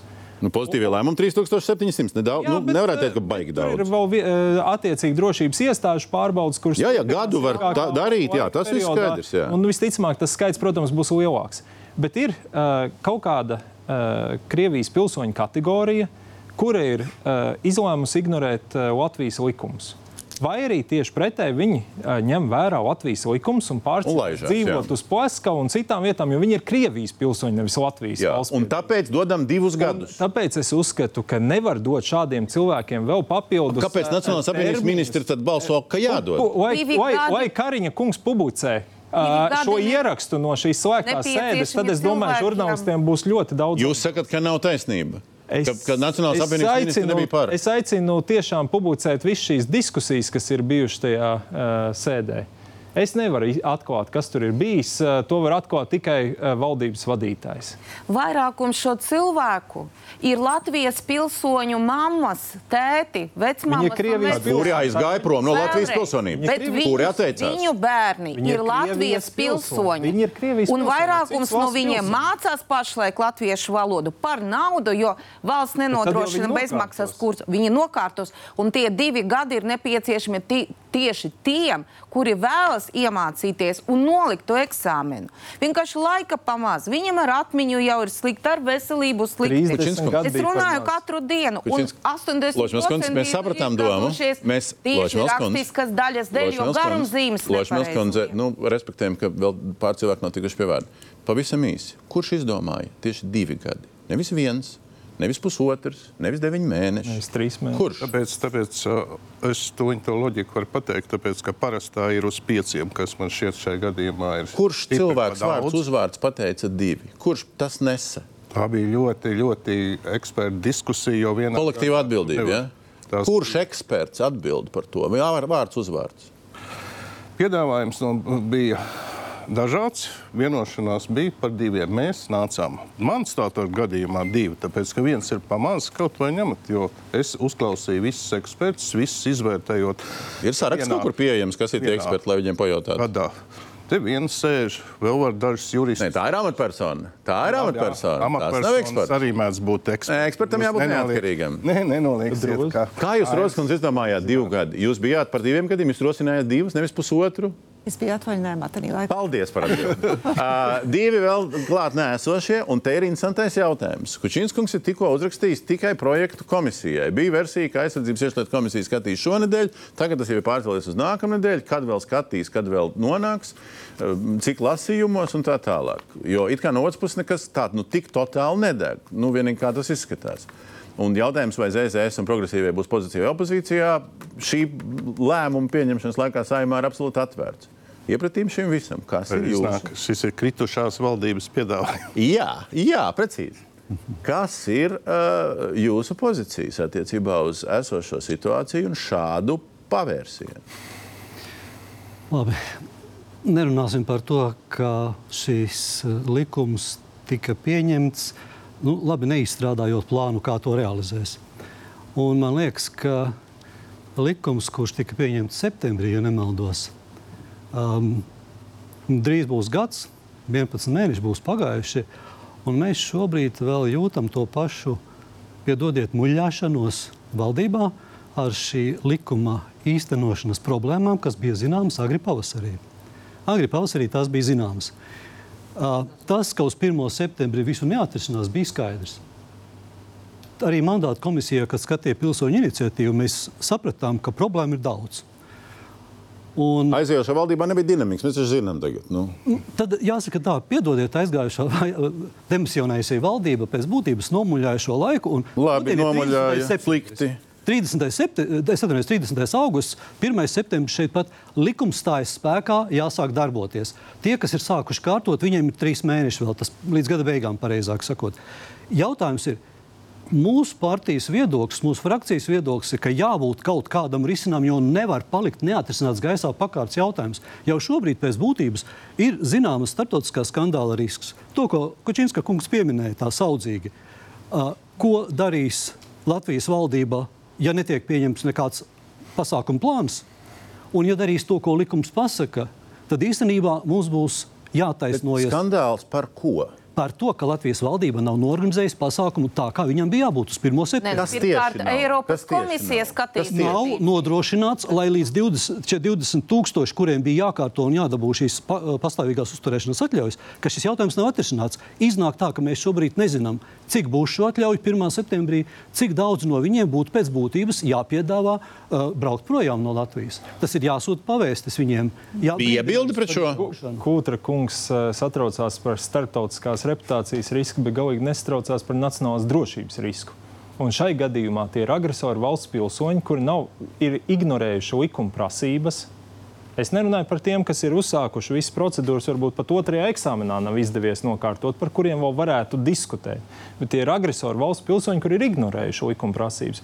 Un jūs sakat, ka mums ir primāri jārūpējas par uh, reputācijas Nē. jautājumiem, nevis drošības Jūs nesapratāt, jautājumiem. atvainojiet. Es, tāpēc uz, uzskatu, ka runājot par tiem, kas ir gājuši visu šīs likuma prasības ievērot, bet jā, nu, Nu, piedodiet, Dombrovskis. Jūs nesapratāt. Jūs skatāties ļoti, ļoti šaurā virzienā. Plašāk nekā jūs Skatās, vienmēr. krietni plašāk jau Plašāk nekā jūs, Startautiskā kurš skandāla risks ir viens no momentiem, kas radīsies, rastos, ja tagad saima nepieņems kaut kādu pasākumu plānu. Kaut kāds pasākumu plāns ir jādara. Vai divi gadi tiešām- ir pareizais plāns, vai šis nav pareizais? Jāskatās, kādi pasākumi šajos divos gados ir paredzēts. Bet man ir jautājums, vai šobrīd mēs zinām, cik tūkstošiem cilvēku mums jārēķinās? Nē, šobrīd mēs nezinām. Mēs jau to sapratām, ka mēs Kāpēc, nezinām. kāpēc ministrija Es nevar to vēlreiz- Es noskaidrot? vēlreiz saku, tāpēc, ka Latvija nav Baltkrievija. Mēs ne, neskatāmies bez iemesla, ja likums nav kratīšana. nestaigā pa Nav, dzīvokļiem. nav par varu jāiet dzīvokļu. Tajā brīdī, iekšā. kad ir identificēts skaits, man šķiet, ka jums viss būs skaidrs. Vietējā Uh, Olga, es redzu jūsu roku. Tie, dodam vārdu Andrim Sprūdam. Paturot prātā, ka um, progresīvie bija tie, kas iebilda pret uh, likumu iepriekšējā redakcijā un aicināja to slieksni, līdz cik uh, jākārto eksāmenis mazināt līdz 70 gadiem un virs se- 65 līdz 70 tikai mutisko daļu. Nu, tad, kur mēs esam nonākuši un ko jūs sakat par demisionējošās valdības alternatīvo priekšlikumu? Nu, jāsāk laikam ar to, ka uh, skaidrs, ka šajā ģeopolitiskajā situācijā drošības telpas aizsardzība, valodas aizsardzība ir, ir svarīga. To mēs konceptuāli idejiski šeit nav jautājumu. Jautājums ir par to, ka mēs gadu pēc eh, šī likuma vai šī te, teiksim tā, eh, kārtības ieviešanas, mēs pēc nepilna gada sākam otro reizi mainīt diezgan dramatiski šo kārtību. Nu, tas noteikti liecina, ka šim likumam ar izpildu vai šiem likuma grozījumiem ar izpildu ir bijuši absolūti izaicinājumi. Uh, un tie izaicinājumi nav tikai par ieviešanu. Es domāju, ka šeit aiz tā slēpjas fundamentālākas lietas, kā tiesiskā paļāvība, kā samērīgums. Kā skaidrs, ka šie ir dziļāki jautājumi. Un arī to, ko norādīja Kučīns kungs pār ļoti, ļoti precīzi, ļoti tieši par riskiem mūsu starptautiskai reputācijai. Respektīvi, protams, ka ja mēs runājam par Eiropas tiesu praksi, tad jā, no vienas puses skaidrs, ka valstīm ir tiesības un pienākums aizstāvēt savu drošības telpu, bet tajā pašā laikā valstīm, protams, ir jāskatās lietām, lai likumdošana būtu samērīga un ar tiesisko paļāvību. Tāpēc kopumā es domāju, ka tas, kas ir nācis tagad, ir ar zināmu pozitīvo zīmi. Tas, ka tiešām ir skatījums, kad mums ir jādomā, kādā veidā mēs pavēršam to, lai būtu šis process daudz individualizētāks. Mēs neriskējam ar kaut kādu zinām kolektīvo teiksim, tā risināšanu. Uh, Bet uh, vienlaikus, protams, ka nu, te ir jāskatās konkrētās lietas, un noteikti progresīvi neatkāpjas no tiem priekšlikumiem, to, ko jūs teicāt, ka mēs esam par sliekšņu samazināšanu, un mēs arī iestājāmies aprīlī, bija mūsu priekšlikums šajos grozījumos par to, ka uh, būtu arī jānodrošina šis tiesiskās paļāvības princips, ka principā tajā brīdī, kad beidzās arī e, pastāvīga uzturēšanās atļauju termiņš, tajā brīdī arī šī valodas prasība tiek piemērota. Bet precizējiet, nu, pie tam jūs šovakar varat pieteikt arī kā viens no iespējamiem ārlietu ministriem. Jūs sakat, starptautiskie kādi tur riski. Nu, paga, nu, mums ir likums, pirms gada pieņemts. Mums ir likums, cik mēneši tagad realizēts. Cilvēks zināja, saņēma no Rozes kundzes vēstules. Tā jāiet, tur jāpiesaka, tiem jāliek, ja nenoliks vēl dienas, tik mēneši. Nu, kādi ir par ko? Tie ir Krievijas federācijas, kas ir starptautiski, nu, rietumos, starptautiski atzīts agresoru valsts pilsoņi un Latvijas drošības risku kontekstā. Kur mums starptautiskie riski? Te noteikti varētu uzprasīt Kučīnas kungu. Nē, bet kas bija jūsu versija? Kur riski? Teiksim, to teicu vairāk kārtīgi, un es principā tam arī pievienojos. Nu, ko mums amerikāņi šito pārmetīs? Kas? Nē, pirmā Jā, pārmetīs šeit, mums Eiropa. Eiropas parlaments vēlreiz, un Eiropas es, es tomēr pabeigšu. Šeit tieši tā, šeit ir principā, kā es jau minēju, runā par Eiropas Savienības kompetencēm, tad migrācijas pilsonības jautājumos kompetences būtībā ir dalītas. Tā kā, ja nav kopīga vienošanās, tad valstī tiešām ir tiesības realizēt savu politiku, savas drošības telpas aizsardzībā, kas būtībā arī ir Eiropas telpas aizsardzība. Un tur absolūti mums ir taisnība par Krievijas federācijas, teiksim, kā agresoru valsts, arī tā skaitā pilsoņu uzskatīšana, ka šeit ir zināmā veidā drošības riski. Bet tajā pašā laikā, kā es minēju, un to ir atzīts arī tiesības sargs, respektīvi, kad ir šis tiesiskās paļāvības princips, kas ir ļoti spēcīgs Eiropas Savienības tiesas praksē, ir samērīguma princips, beig beigās ir mūsu valsts teiksim, tā, efektivitātes princips. Un absolūti nevis kolektīvā, bet individuāla atbildība vispirms. Ja mēs runājam par konkrētu īstenošanas procesu, tā kā šeit, šajos konkrētajos jautājumos, ir risks, ka būtībā mēs varam nonākt ne tikai pie tiesvedībām satversmes tiesā, bet arī Eiropas cilvēktiesību tiesā. Un tāpēc, baidoties no tām tiesām, mums ir vēl. Ne, tieši tā, jā, nevajag jā. pašmērķis nebūt baidīties, pilnīgi pievienojos, bet tajā pašā laikā skaidrs, ka šeit nāk līdzi arī tie riski, ja valsts sadurās ar pietiekoši regulāri šādu izaicinājumu, tad nenoliedzam, ka šeit ir izaicinājumi to, kā mēs savu tēlu un atpazīstamību veidojam. Nopre, noprecizējam vienu lietu līdz, līdz individuāliem cilvēkiem. Roskunds, tie vai ministra kungs, es nezinu, Rus kurš precīzāk. Kodzu? Nē, nu, tie 80 negatīvie lēmumi. Nu, tātad tie ir cilvēki, kas pieteicās ar vieniem vai citiem dokumentiem, un viņi uh, vienu vai citu mums zināmu, jums zināmu, mums nezināmu iemeslu dēļ, vai nu pēc tā drošības dienas anketas, vai pēc citiem iemesliem, ir saņēmuši negatīvus lēmumus kas tie ir pa cilvēkiem un kad viņus izraidīs. Absolūti vienkārši jautājums. Tas nenozīmē, ka viņus izraidīs. À. Ja tas ir negatīvs lēmums, uh, viņam varbūt uh, viņš bija iesniedzis un uh, tāda valoda nav nokārtojis. Tas ir viens. Uh, otrs, uh, viņš uh, atsako, tad, kad viņam ir atteikts, ir arī apstrīdēšana šobrīd. Arī. Bet, Uh, viņam ir tiesības pieprasīt termiņu uzturēšanās atļauju. Tas nenozīmē, nu, piemēram, viņam ir atkal mm -hmm. ģimenes locekļi, un tas nenozīmē, ka te būs izraidīšana. Šie ir atkal tādi, kas. Nu, Pagā, ja viņš nepiesākās uz termiņu uzturēšanās atļauju?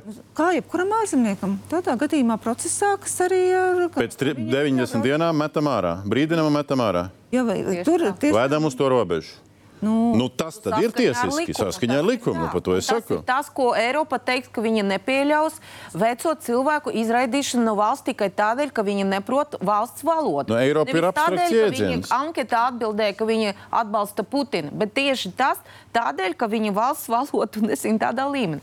Un es varu precīzi pateikt, kam ir atteikts. Pasakiet. Atteikts, piemēram, cilvēks ir nokārtojis eksāmenu, viņam ir pat pietiekami ienākumi, kas atbilst visām prasībām, bet šeit ir paļāvības princips. Uh, viņš bija ārpus Latvijā vairāk nekā sešus mēnešus pēc kārtas vai desmit mēnešus kopā par pieciem gadiem. Tad, kad likums šo pieļāva. Un šeit ir tieši tie, tas prasības, kuras tika iesniegtas un pieņemtas satversmes tiesā. Tad viņam iet uz tiesu šobrīd jāpārstāv tas lēmums. Viņi, viņi iet. Visa satversmes tiesa ir pieņēmusi šīs prasības un skatīs. Un Jā. tieši tādēļ ir nepieciešami šie grozījumi, lai pēc satversmes tiesas lēmuma cilvēki negrieztos Eiropas cilvēku tiesai. Labi, tiesa. Olga, ilgi pie vārda netiek. Kas bija jūsu sakāmais? Jā, runājot par drošību. Pēdējā raidījumā, kur mēs visi kopā sēdējām, gan ar Kučinska kungu, gan ar Dombrovas kungu, bija teikts, ka valsts drošības dienas strādā un meklē un atlasa šos cilvēkus individuāli. Bet tas, kas notiek šobrīd, iedomājieties, drošības labad.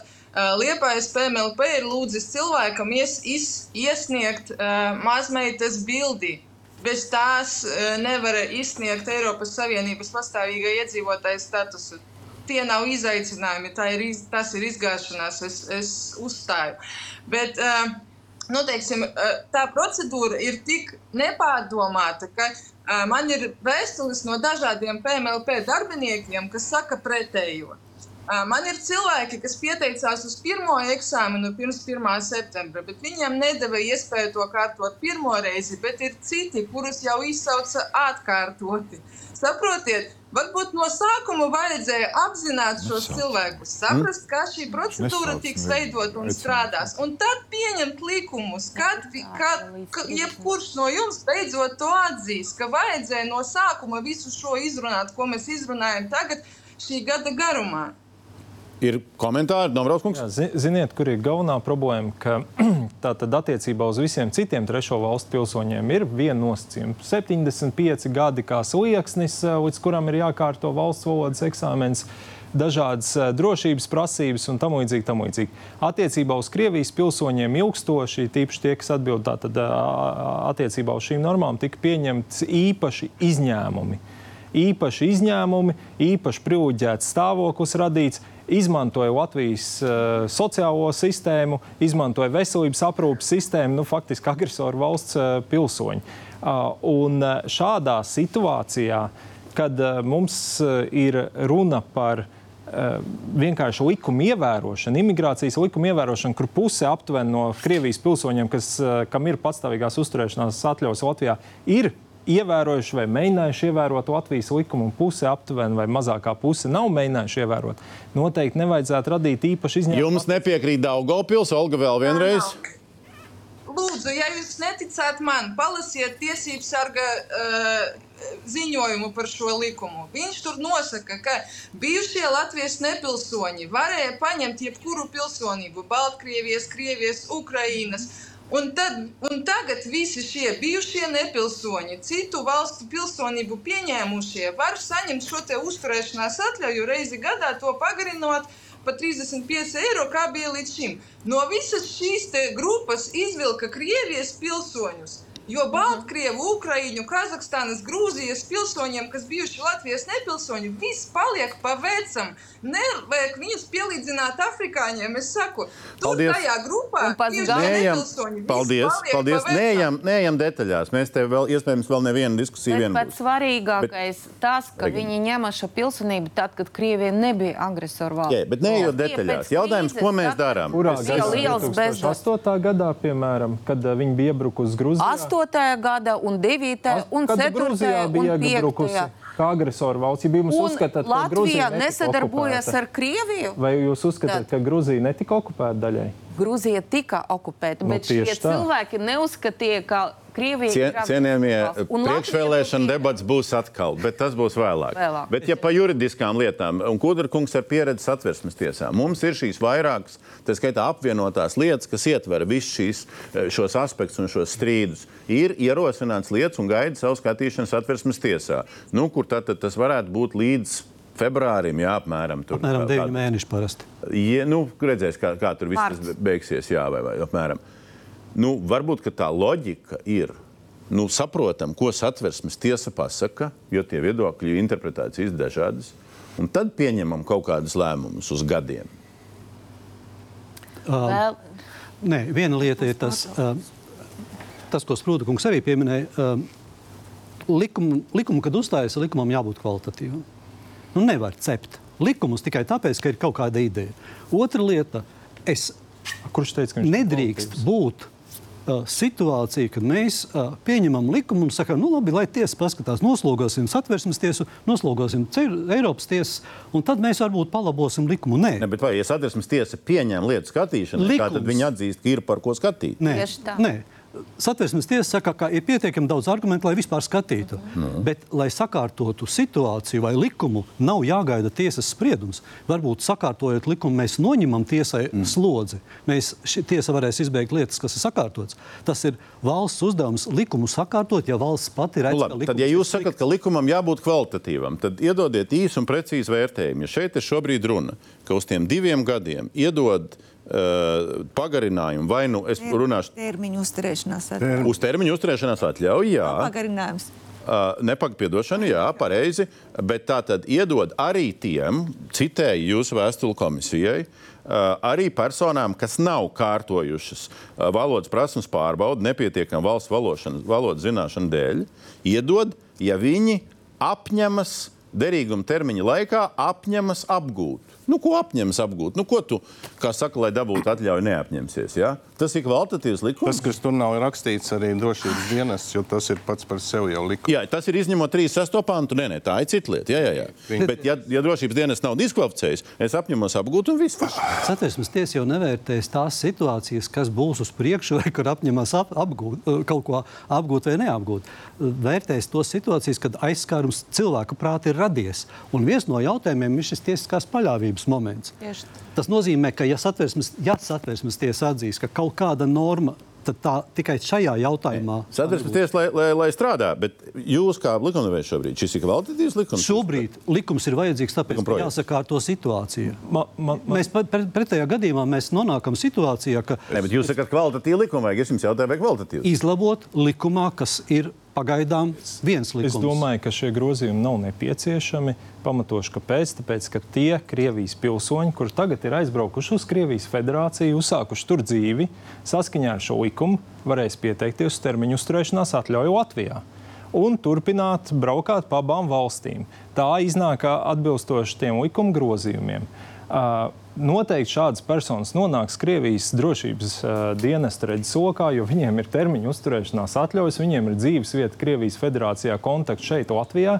Vai mums tas ir vajadzīgs? Nē, nav. Viņi to nesaka. Bet tad jau viss vajadzēja izdzīt ārā un vispār žogu necaurēja. Ir runa par tiem, kas uh, vēlējās palikt Latvijā. uh, Kuriem tiešām ģimenes ir Latvijā, uh, viņi ir nokārtojuši ir šīs vairākums, atļaujas. vairākums. un, uh, ir un vēl tam viena grupa, Labi. par kuru jūs, mēs aizmirsām.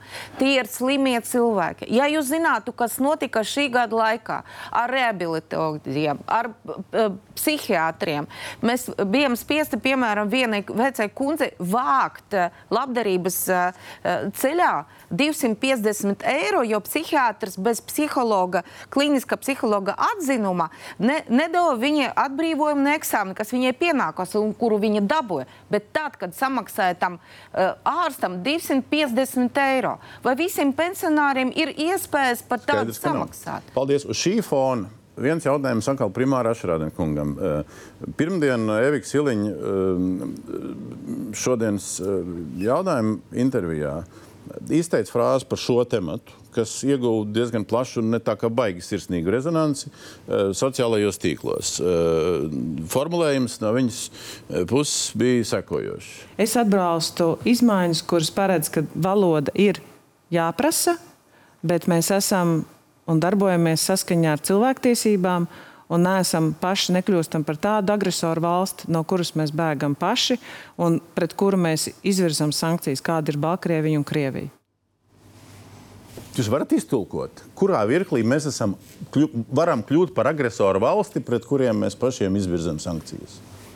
Nu, es jau teicu, ka uh, esot klāt uh, šai valdības sēdē, kas gan ir bijis slēgta valdības sēde, uh, tā situācija, tas, ka šeit tika rādīti šie dati, ir atbildi tuvu patiesībai. Bija pilnīgi skaidrs, ka pie lielu daudzumu, par lielu daudzumu šādu individu nebija skaidrība, kur viņi atrodas, kas ar viņiem notiek, vispār, kas, nu, kādā situācijā Bet mēs kur tur atrodamies. agresora valsts Mēs, jā, mēs redzējām arī, ka ir process, ka tā virzība uz valodas apgūšanu notiek, un viņam ir pieauguša tendence.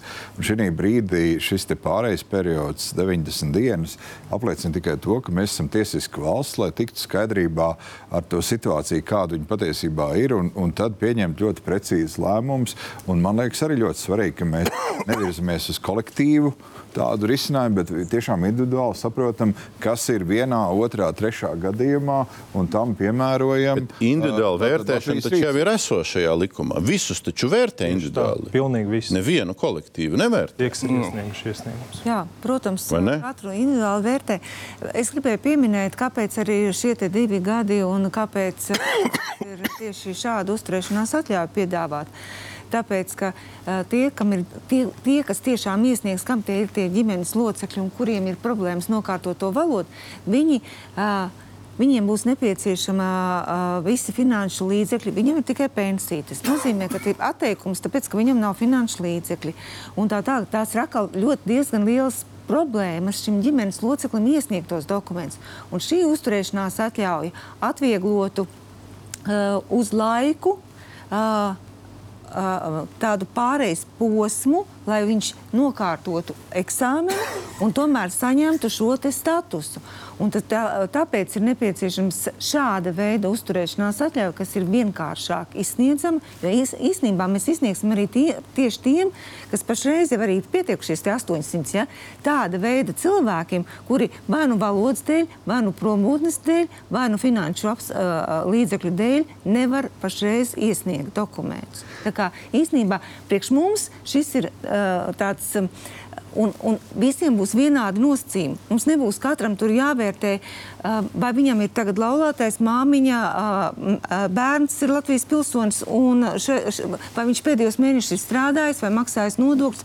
Man... Labi, neejam detaļās. Es ļoti neizslēdzu, bet... ka mums būs vēl viena atsevišķa diskusija par šo, bet, lai mēs līdz pusnaktī nenonāktu, tad ir esošais projekts, ir it kā drīza pieņemšana. Progresīvie saka, ka viņi neatkāpsies uh, no savas versijas mainīt un pazemināt sliekšņus par vecumiem. Vēl kaut pārējiem, pārējais ir, ir piekrišana demisionējušās valdības versijai.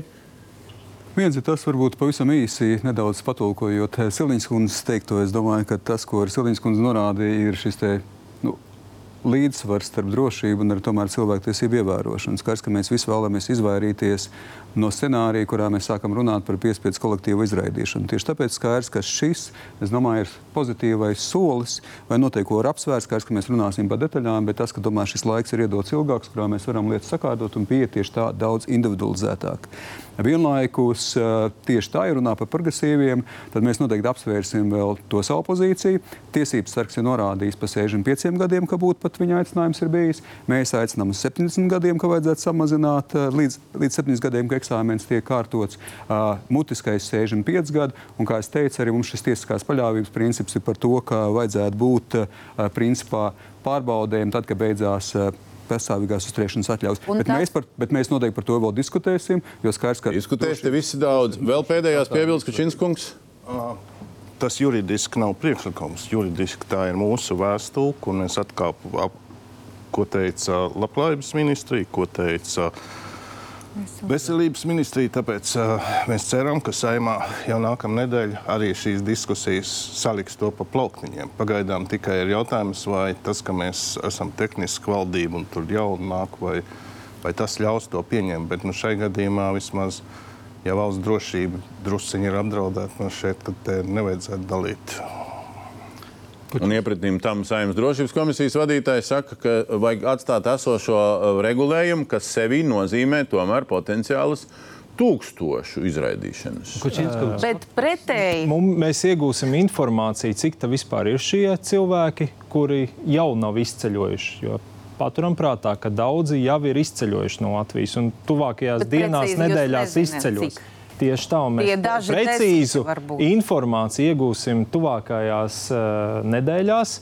Uh, attiecībā par tiem, kuri saņems pavēsti nu, atbilstoši jebkurai valstī, nu, cilvēki, ja ir likuma paklausīgi, viņi ievēro tās prasības, ko valsts izvirza. Tā ir tiesiskā paļāvība. Ja mēs zinām šīs pašas problēmas, ko Činskungs, kāpēc jūs nenācāt ar priekšlikumu saimā vasaras sākumā? Nu, kā, maijā, kā būtu, jūnijā? ja būtu, mēs aizgājām? Nu, Kur tas vienkārši mēs to brīdi nācām ar to, ko mēs tajā brīdī varējām panākt. Es domāju, ka šobrīd pozitīvi ir, ka saprat arī citas ministrijas to draudus. Valdība neatbalsta. Ir viena viena svarīga lieta. Ja šie grozījumi netiks pieņemti uh, septembrī, septembrī Eiropas parlaments skatīs petīciju uh, par visu šo lietu. Ilva Johansone. Uh, nē, Nils Ušakovs ir runājis ar Ilvu Johansone, kura Eiropas komisija vada iekšlietu komiteju. Skatīsimies, teica, ko skatīs un kā skatās. Nē, skatīs nevis Johansone, bet Eiropas parlaments. Johansone teica tikai vienu, ka viņi nepieļaus, lai no Latvijas izraida vecus cilvēkus